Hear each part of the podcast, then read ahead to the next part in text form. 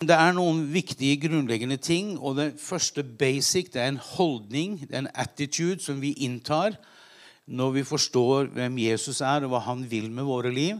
Og det at vi inntar en holdning av omvendelse. Av omvendelse. Og eh, det kunne godt ha vært oversatt slik som det virkelig eh, betyr, dette ordet her, fordi det handler om å bytte tenkemåte. Mindset. Eh, for før vi møtte Jesus, så gjorde vi våre egne valg, og vi var på vei dit. Eh, og så møtte vi han, og så forsto vi at mye av det han sier, og mye av det han vil, det er fullstendig på kollisjonskurs med den retningen vi har i livet. Så vender vi oss om. Så bestemmer vi oss for sånn vil jeg ikke tenke mer. Slik vil jeg ikke leve mer. Det målet for livet vil jeg ikke lenger ha. Så omvender oss og så står det jo også det er omvendelse fra døde gjerninger. Det betyr også at, at, det er ingenting vi kan gjøre for å få Gud til å smile og til å bli glad og for å fortjene Hans nåde. Eh, slik at Gi opp all religionsutøvelse og ta imot Jesus og vite at det er av nåde, og det er bra nok, det Jesus gjorde. Men det viktigste i grunnvollen i våre liv, som ikke er en engangshandling, men som er en attitude som du legger inn, og som du tar med deg for resten av livet, og det er at jeg vender meg om fra hva jeg mener, hva jeg syns, hva jeg tenker, til tro på Gud, som er det neste punktet. Det er tro på Gud. Og derfor så, For meg som, som forkynner og som, og som pastor eh, så er det en forutsetning at når jeg deler Guds ord, når jeg snakker til folk, så er det at de er ikke dratt hit etter håret, men de har kommet hit frivillig. De er motivert, de ønsker å høre Guds ord, de vil vite veien videre med Jesus. Og det er en grunnholdning i livet av at ok, hvis Jesus sier noe annet enn det jeg mener, det jeg tenker, de planene jeg har hatt, så omvender jeg meg. Ok?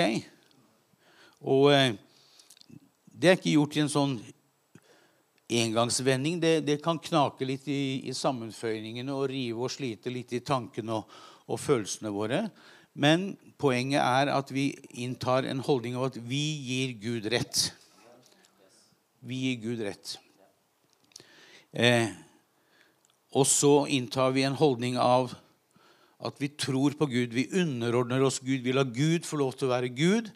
Og trer ned av den pallen som hvor vi tror, har trodd at vi kan klare oss uten Han. Vi er Gud i eget liv. Det fins bare én Gud, en sann og levende Gud, og det er Gud. Og, eh, og derfor så Vi skal få tilbringe en evighet sammen med han, hvor vi skal få snakke sammen, vi skal chille, gå tur eh, i lag med han.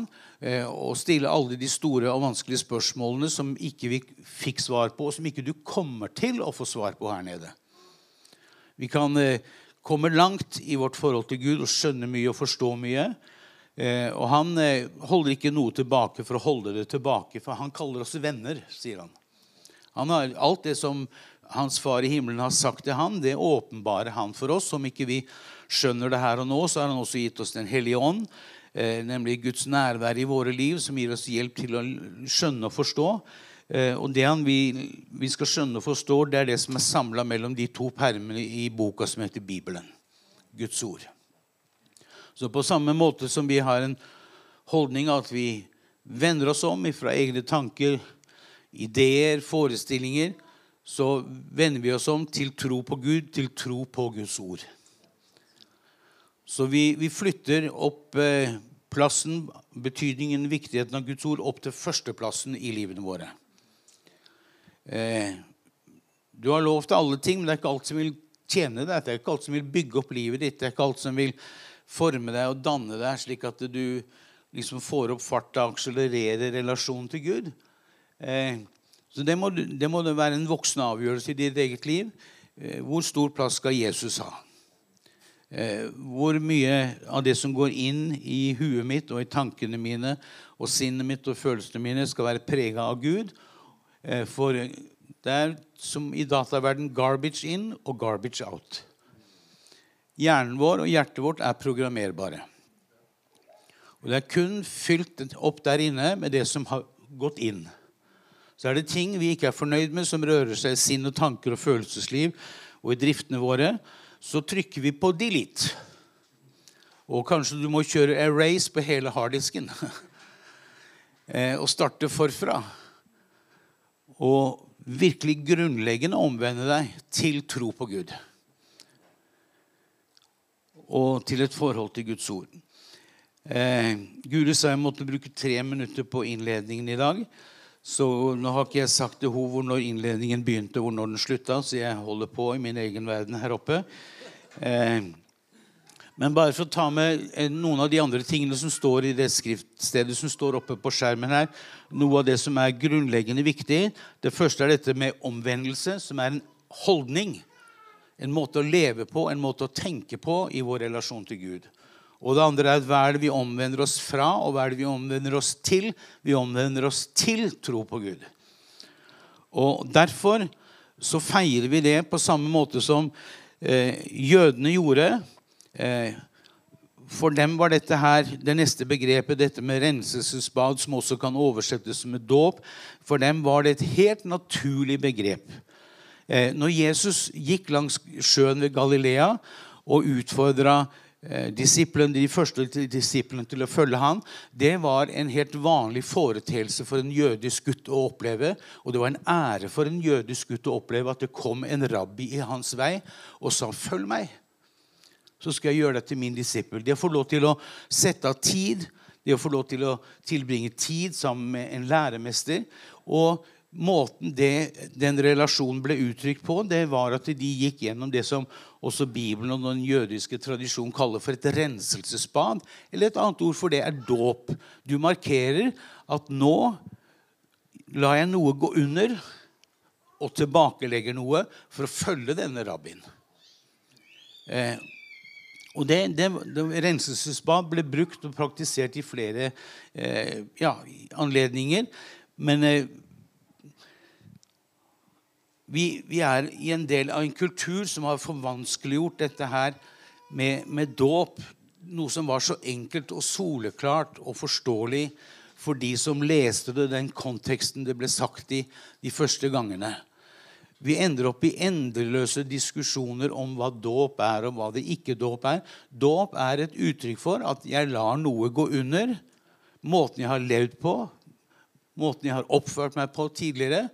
Og så lar jeg det gå under og legger det bak meg, og så står jeg opp og så lever jeg et helt nytt liv. Og Bibelen bruker dette begrepet i forbindelse med dåp, at vi står opp til et nytt liv i tro på Guds kraft og på Guds liv. Amen.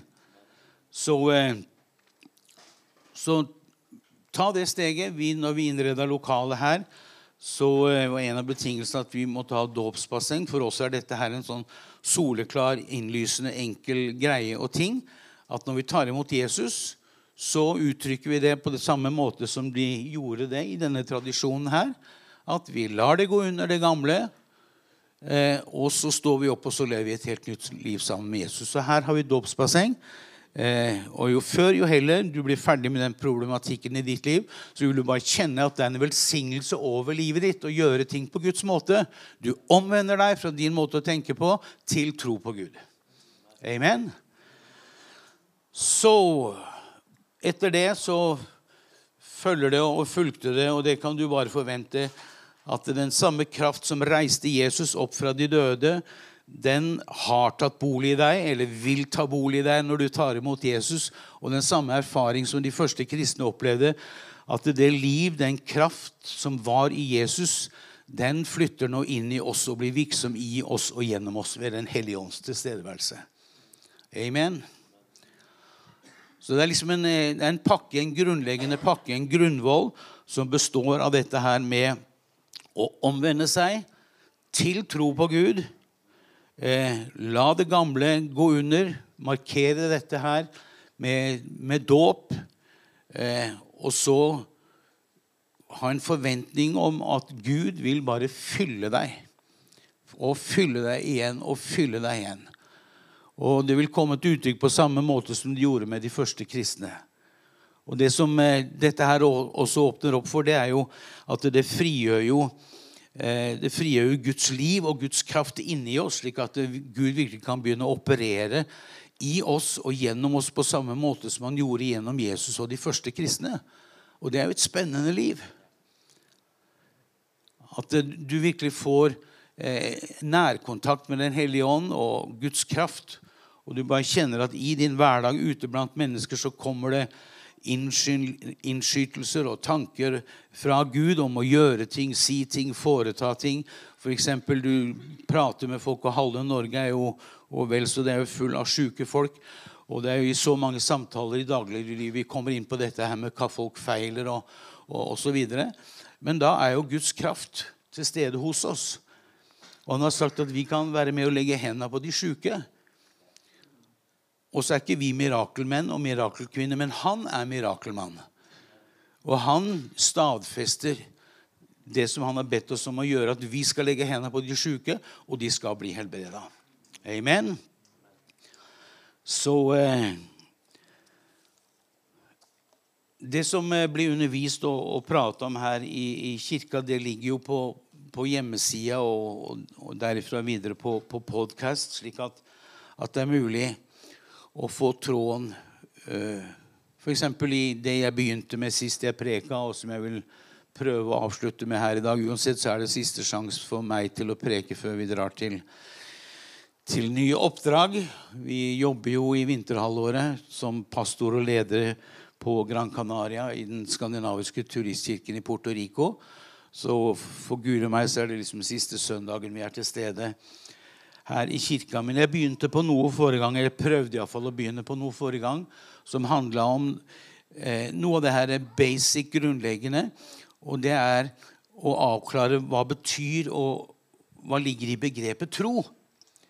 For tro kan i utgangspunktet for oss fortone seg som eh, et krav, eller at det er en eh, intellektuell, mental, eh, forstandsmessig prestasjon vi skal utøve. Vi skal prøve å tro på Gud. Du skal få slippe å prøve å tro på Gud. Fordi tro er ikke en, en, en mental, en forstandsmessig prestasjon og øvelse som du liksom har, har gjort en stund, og så plutselig så, så har du liksom nok i vektskåla, og så tror du. Nei, tro det er et guddommelig resultat av at du lar Guds ord få lov til å tale inn i ditt liv. Hører du hva jeg sier? Guds ord er et guddommelig resultat av at Gud får tale sitt ord inn i ditt liv. Eh, I utgangspunktet så er det sorte bokstaver på, på hvitt papir, iallfall i denne papirutgaven som jeg har av Bibelen. Men du skal vite at denne boka her er ikke som å lese Norges historie fra 1814 og utover, eller whatever du måtte lese. Dette her er Guds ord. Det er inspirert av Gud, det er skrevet av mennesker som var drevet av Guds ånd. Og Jesus sier at når han dro ifra oss her nede, så skal ikke vi ha en opplevelse at vi er farløse og hjelpeløse og, og, og barnehjemsbarn. Eh, nei, han kommer til oss igjen ved Den hellige ånd, som ikke bare er iblant oss, men som også bor i oss. Slik at når vi åpner Guds ord, så kan du helt reelt ha en forventning om at han vil forklare det som er skrevet her. Det er det ene. Det andre er at du kan helt reelt ha en forventning om at han åpenbar, altså han avdekker og viser oss hva det betyr, og skaper gjennom å høre Guds ord, lese Guds ord Han skaper en overbevisning som Bibelen kaller for tro. Det er noe annet enn å stå på busstoppet og snakke med, med de andre som står der og, si, og ser på klokka og si ja, jeg tror bussen kommer snart. I det så ligger det en usikkerhet, det ligger et håp, det ligger en uvisshet. Kanskje kommer han, kanskje kommer han ikke. Men Bibelen bruker ikke begrepet tro på denne måten. For tro, sier Bibelen, det er full visshet det er overbevisning om ting du ikke ser. Og Bibelen sier at alt det Gud har gjort, alt det han har skapt, og det han fortsatt gjør, det gjør han ut ifra at han taler sitt ord, og så blir det til. Og Dette her er grunnleggende basic. altså. Så det livet vi er kalt til å leve som kristne, er i utgangspunktet et umulig liv, menneskelig sett. Fordi det er ikke noe vi kan oppfylle, det er ikke noe vi kan få til å, å liksom gå gjennom og bli til. Nei, vårt utgangspunkt for det kristne livet vi lever i, det er at vi lar Gud få tale inn i våre liv. Og så skjer det noe som er av Gud. Som Bibelen sier at det er like sikkert som eh, det skjøtet du har på, hvis du eier et hus. Eller hvis du ja, Si at du eier et hus, og så er det ikke tvil liksom, når du er ute og reiser på om står huset der hjemme fortsatt. Du kan jo f.eks. ta med deg skjøtet i bagasjen da, hver gang du er ute og reiser hvis du sliter med sånn tvil. Og så kan du vite at huset er mitt fordi det står her svart på hvitt. Og sånn er det med det Gud har lovt, og det han har sagt han vil gjøre og kan gjøre i våre liv. Det står her svart på hvitt.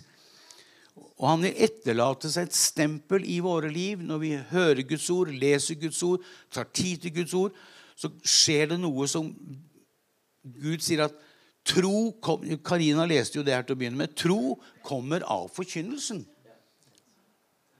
Hvis, tro, hvis du syns at troa di er svak, den er vaklende, du, mange ganger så tviler, du tviler mer enn du tror, eh, så er det kun én måte å gjøre at det kan komme en forandring på det. Du kan ikke komme fram her til forbønn og den gjeveste, største predikanten kan ikke be for deg, og din tro blir større. Det er bare én måte tro kan komme på. Det er bare én måte din tro kan styrkes på. Det er bare én måte tvil kan ryddes ut av ditt hode og ut av ditt hjerte på. Og det er av Guds ord. Romerbrevet sier i det 12. kapittel vers 1 og 2.: Bli forvandla ved fornyelsen av ditt sinn. Og så henspeiler det igjen på Guds ord. Det går an å lære å kjenne Guds vilje. Det brukes også et begrep i den forbindelsen å lære det som er den fullkomne tanke og vilje fra Gud. Det går an å lære det. Du, du, behøver ikke å gå rundt og leve som et levende spørsmålstegn hele livet. Og være usikker på det. Vil Gud det? Er det Guds mening? Er det Guds mening? Det går an å jobbe med den saken, og du kan ikke be om forbønn for det, men du må gå hjem og gjøre hjemmeleksa di det her mener jeg positivt. Det er ikke strengt og, og hardt sagt, men du må gjøre hjemmeleksa di hvis du virkelig mener at du elsker Jesus. Og det tror jeg vi alle sammen gjør her. Så langt som vi ser og forstår. Så har jeg sagt det 114 ganger før at det må komme til et uttrykk i ditt forhold til Guds ord.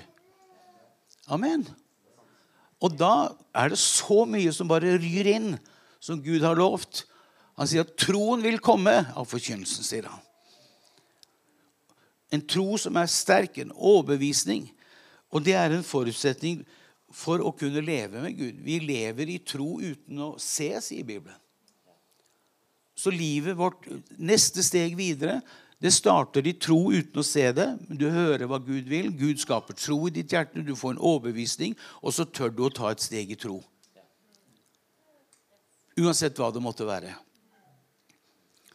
F.eks. det her som jeg har snakka om, at, at, eh, for de jødiske gutta og de som hørte og leste Bibelen, for dem var det her med å, å markere overgangen fra eh, et liv på egen hånd til å begynne å følge en rabbi, det, det var et renselsesbad. Det var dåp. Så jeg mener Du vil merke det når du tar det steget, når du kontakter eh, Karina og Simon og sier jeg er ferdig med den diskusjonen. Jeg gidder ikke med alt mulig sånn dildal rundt dette der. Nå tar jeg bare steget i tro, og så lar jeg meg døpe på min egen tro og bekjennelse. Så vil du kjenne at i troens handling så er det en velsignelse fra Gud. Det er det. På samme måte som den dagen jeg tok imot Jesus i 1974 det var uten hornmusikk og flagg og faner og skriften på veggen. Det var tørt og nøkternt. Jeg bare dealte med Gud der og da. Jeg skjønte at jeg måtte ta imot Jesus og få han inn i mitt hjerte.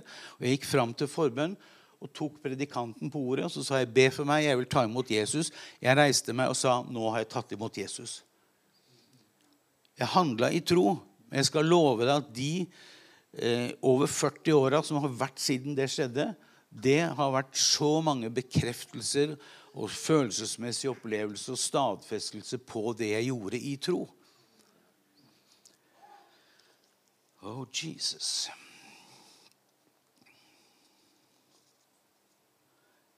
Eh, hvis du bare hopper ei rett til bilde nummer tre eh, så står det at Guds ord er levende og eh, uforgjengelig frø eller såkorn. Eh, det er en spireevne i Guds ord. Det er fantastisk når de, når de driver med arkeologi i forbindelse med pyramidene i Egypt, og så finner de frø og såkorn som er flere tusen år gamle, og så planter de dem i jorda, og så begynner de å vokse. Og vet du hva? Guds ord det er ikke bare sorte bokstaver på hvitt papir. Det er Guds ord. Bibelen sier at det er såkorn, det er frø. Og når vi planter det inn i våre hjerter, tar det imot i et godt hjerte, så er det en spirekraft i det til å skape det det nevner.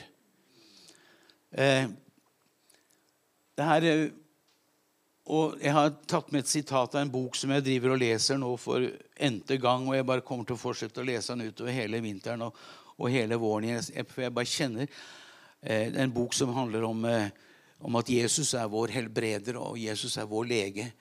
Eh, og der er Det å si at det vil være umulig, sier han som har skrevet boka, for en bonde å ha tro på og forventning om en høst før en vært sikker på at såkornet har blitt planta. Les det. Det vil være umulig for en bonde å ha tro på og forventning om en høst før en han var sikker på at såkornet har blitt planta. Men vi oppfører oss som det motsatte mange ganger.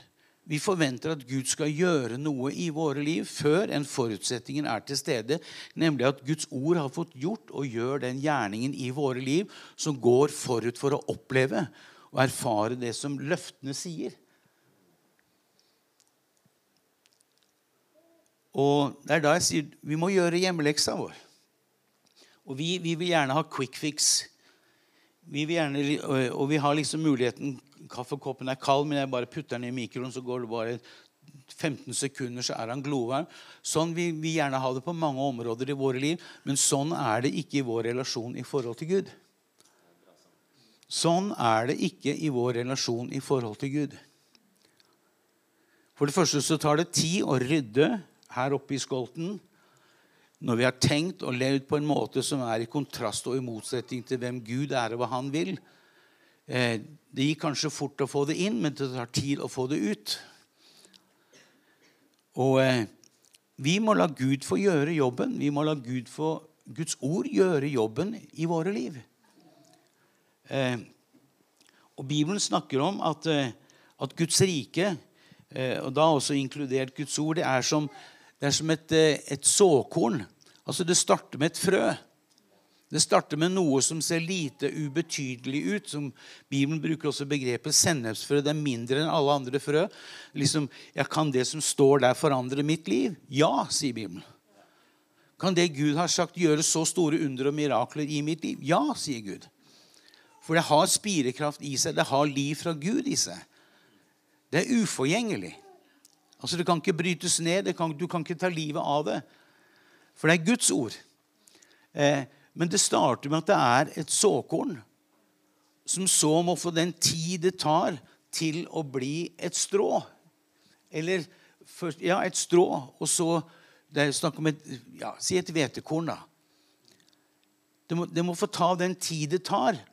Prosessen må få lov til å gå sin gang før det kan bli et moden korn som du kan høste inn, og som du kan spise av og erfare og si, smaken og kraften i.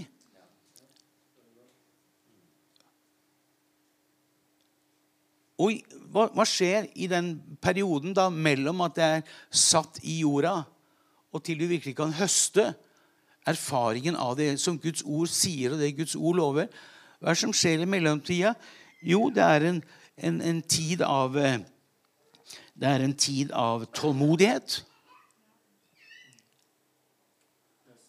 Det er en tid av utholdenhet.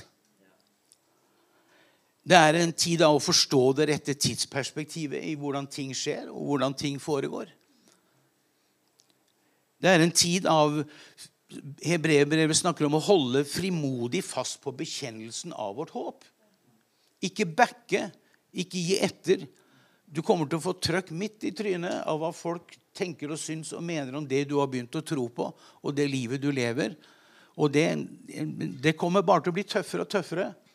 Det kan du bare si til deg sjøl. Dette kommer til å bli tøffere og tøffere. Eh, jeg tror ikke vi som kristne kommer til å framstå og ende opp som en marginalisert gruppe. For jeg tror på at det blir en polarisering, ja. Men Bibelen snakker om at mørket det kommer til, og det er langt på vei i ferd med å skje. Det blir bare mørkere og mørkere, men lyset blir klarere og klarere. Det blir tydeligere og tydeligere hvem som tror på Jesus. Og det blir tydeligere og tydeligere hva Gud gjør, og hva han Tykje driver med. Sant? Mørke og lys kommer til å bli så tydelig og forskjellig, og er det nå. Og vi som er målbærere av dette her og tror på det, og formidlere og representanter for det, vi kommer til å kjenne det på kroppen. Vi kommer til å kjenne det i kollokviegruppa, vi kommer til å kjenne det i kantina på jobben, vi kommer til å kjenne det i nabolaget, eh, hvor det gis daglig mange anledninger til å imøtegå de tanker og de forestillinger og de begreper som rører seg rundt oss. Det var en liten parentes. Men Bibelen snakker om å frimodig holde fast på bekjennelsen. Og hva, er, hva, betyr ordet bekjennelse? Bekjennelse betyr å si det samme som. Så hvis Jesus har sagt det, så sier jeg det samme som. Og Det brukes bl.a. i Romerbrevet i det tiende kapittel, eh, hvor det står dette at eh, hvordan kan noen tro hvis de ikke de har hørt, og noen, hvordan kan noen høre hvis ikke noen har fortalt, osv. Eh, og så står det For med hjertet tror vi. Altså det er ikke med tanken og forstanden, selv om den kan fornyes og komme mer og mer i linje med Guds ord. Vi snakker ikke tanken og forstanden ned på noe som helst måte, men den er underordna Guds ord. Eh,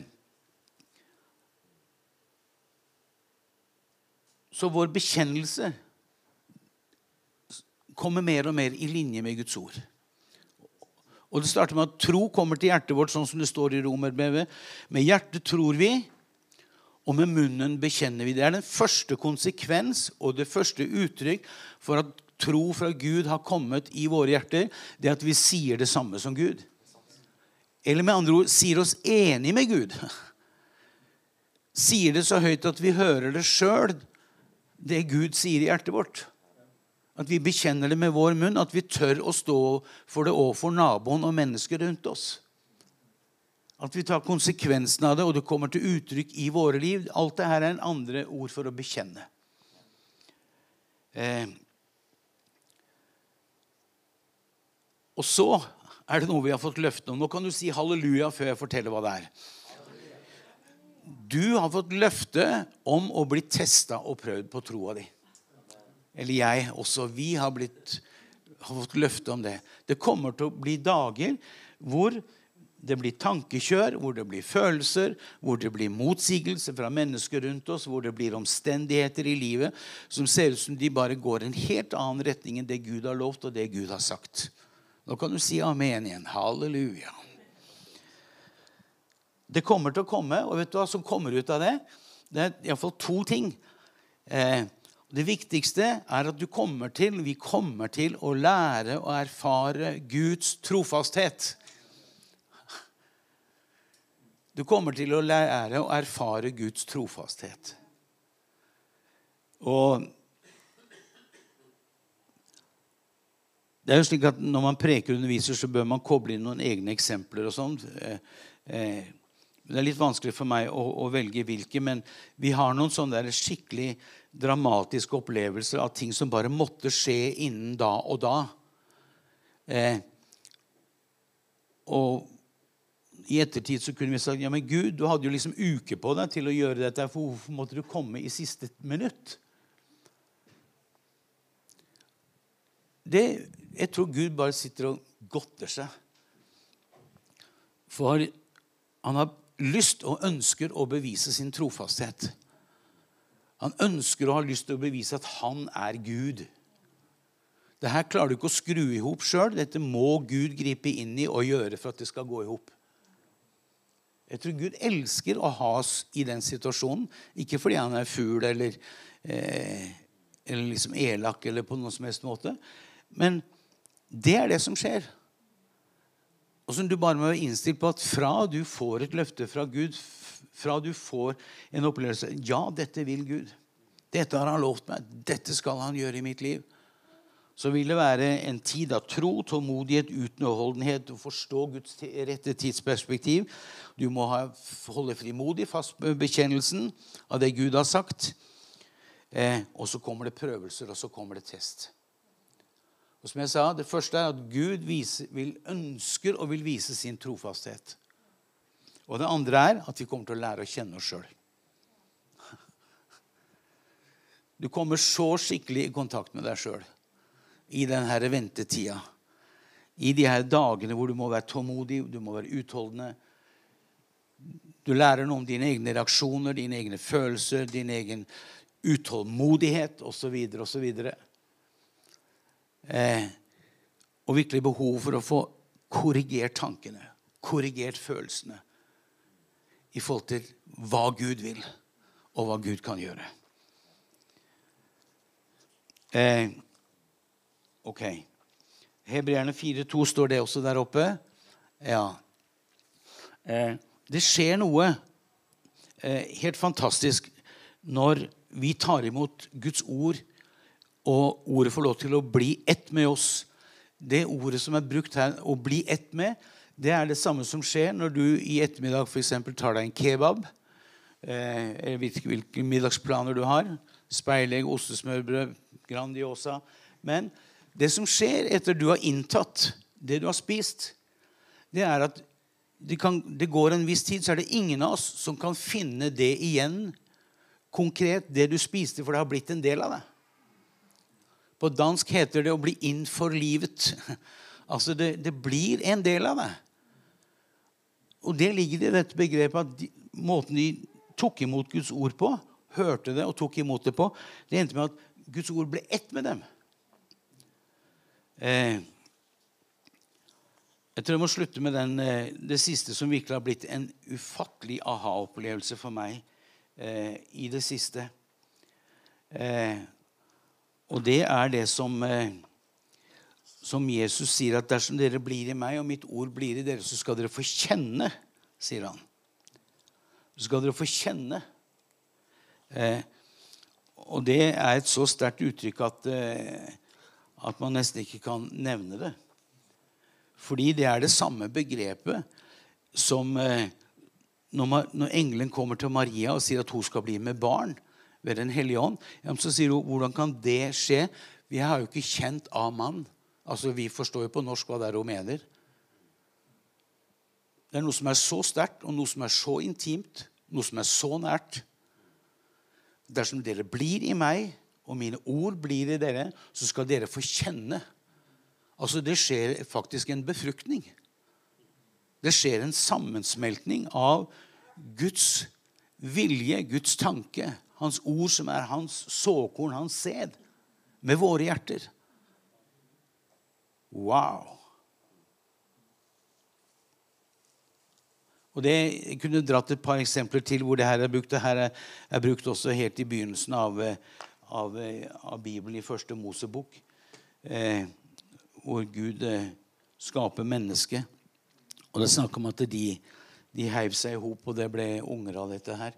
Eh, da brukes også dette begrepet med å kjenne. Dersom dere blir i meg, og mine ord blir i dere, så skal dere få kjenne, sier Jesus. Amen. Så good luck altså resten av denne høsten her i din relasjon, i ditt forhold til Gud og i din bibellesning og din eh, aktive deltakelse i kirka. og Komme her for å høre Guds ord og, og bare få med deg forkynnelsen. Men eh, hopp i bassenget nå og la deg døpe hvis ikke du er ferdig med det. Så snakkes vi.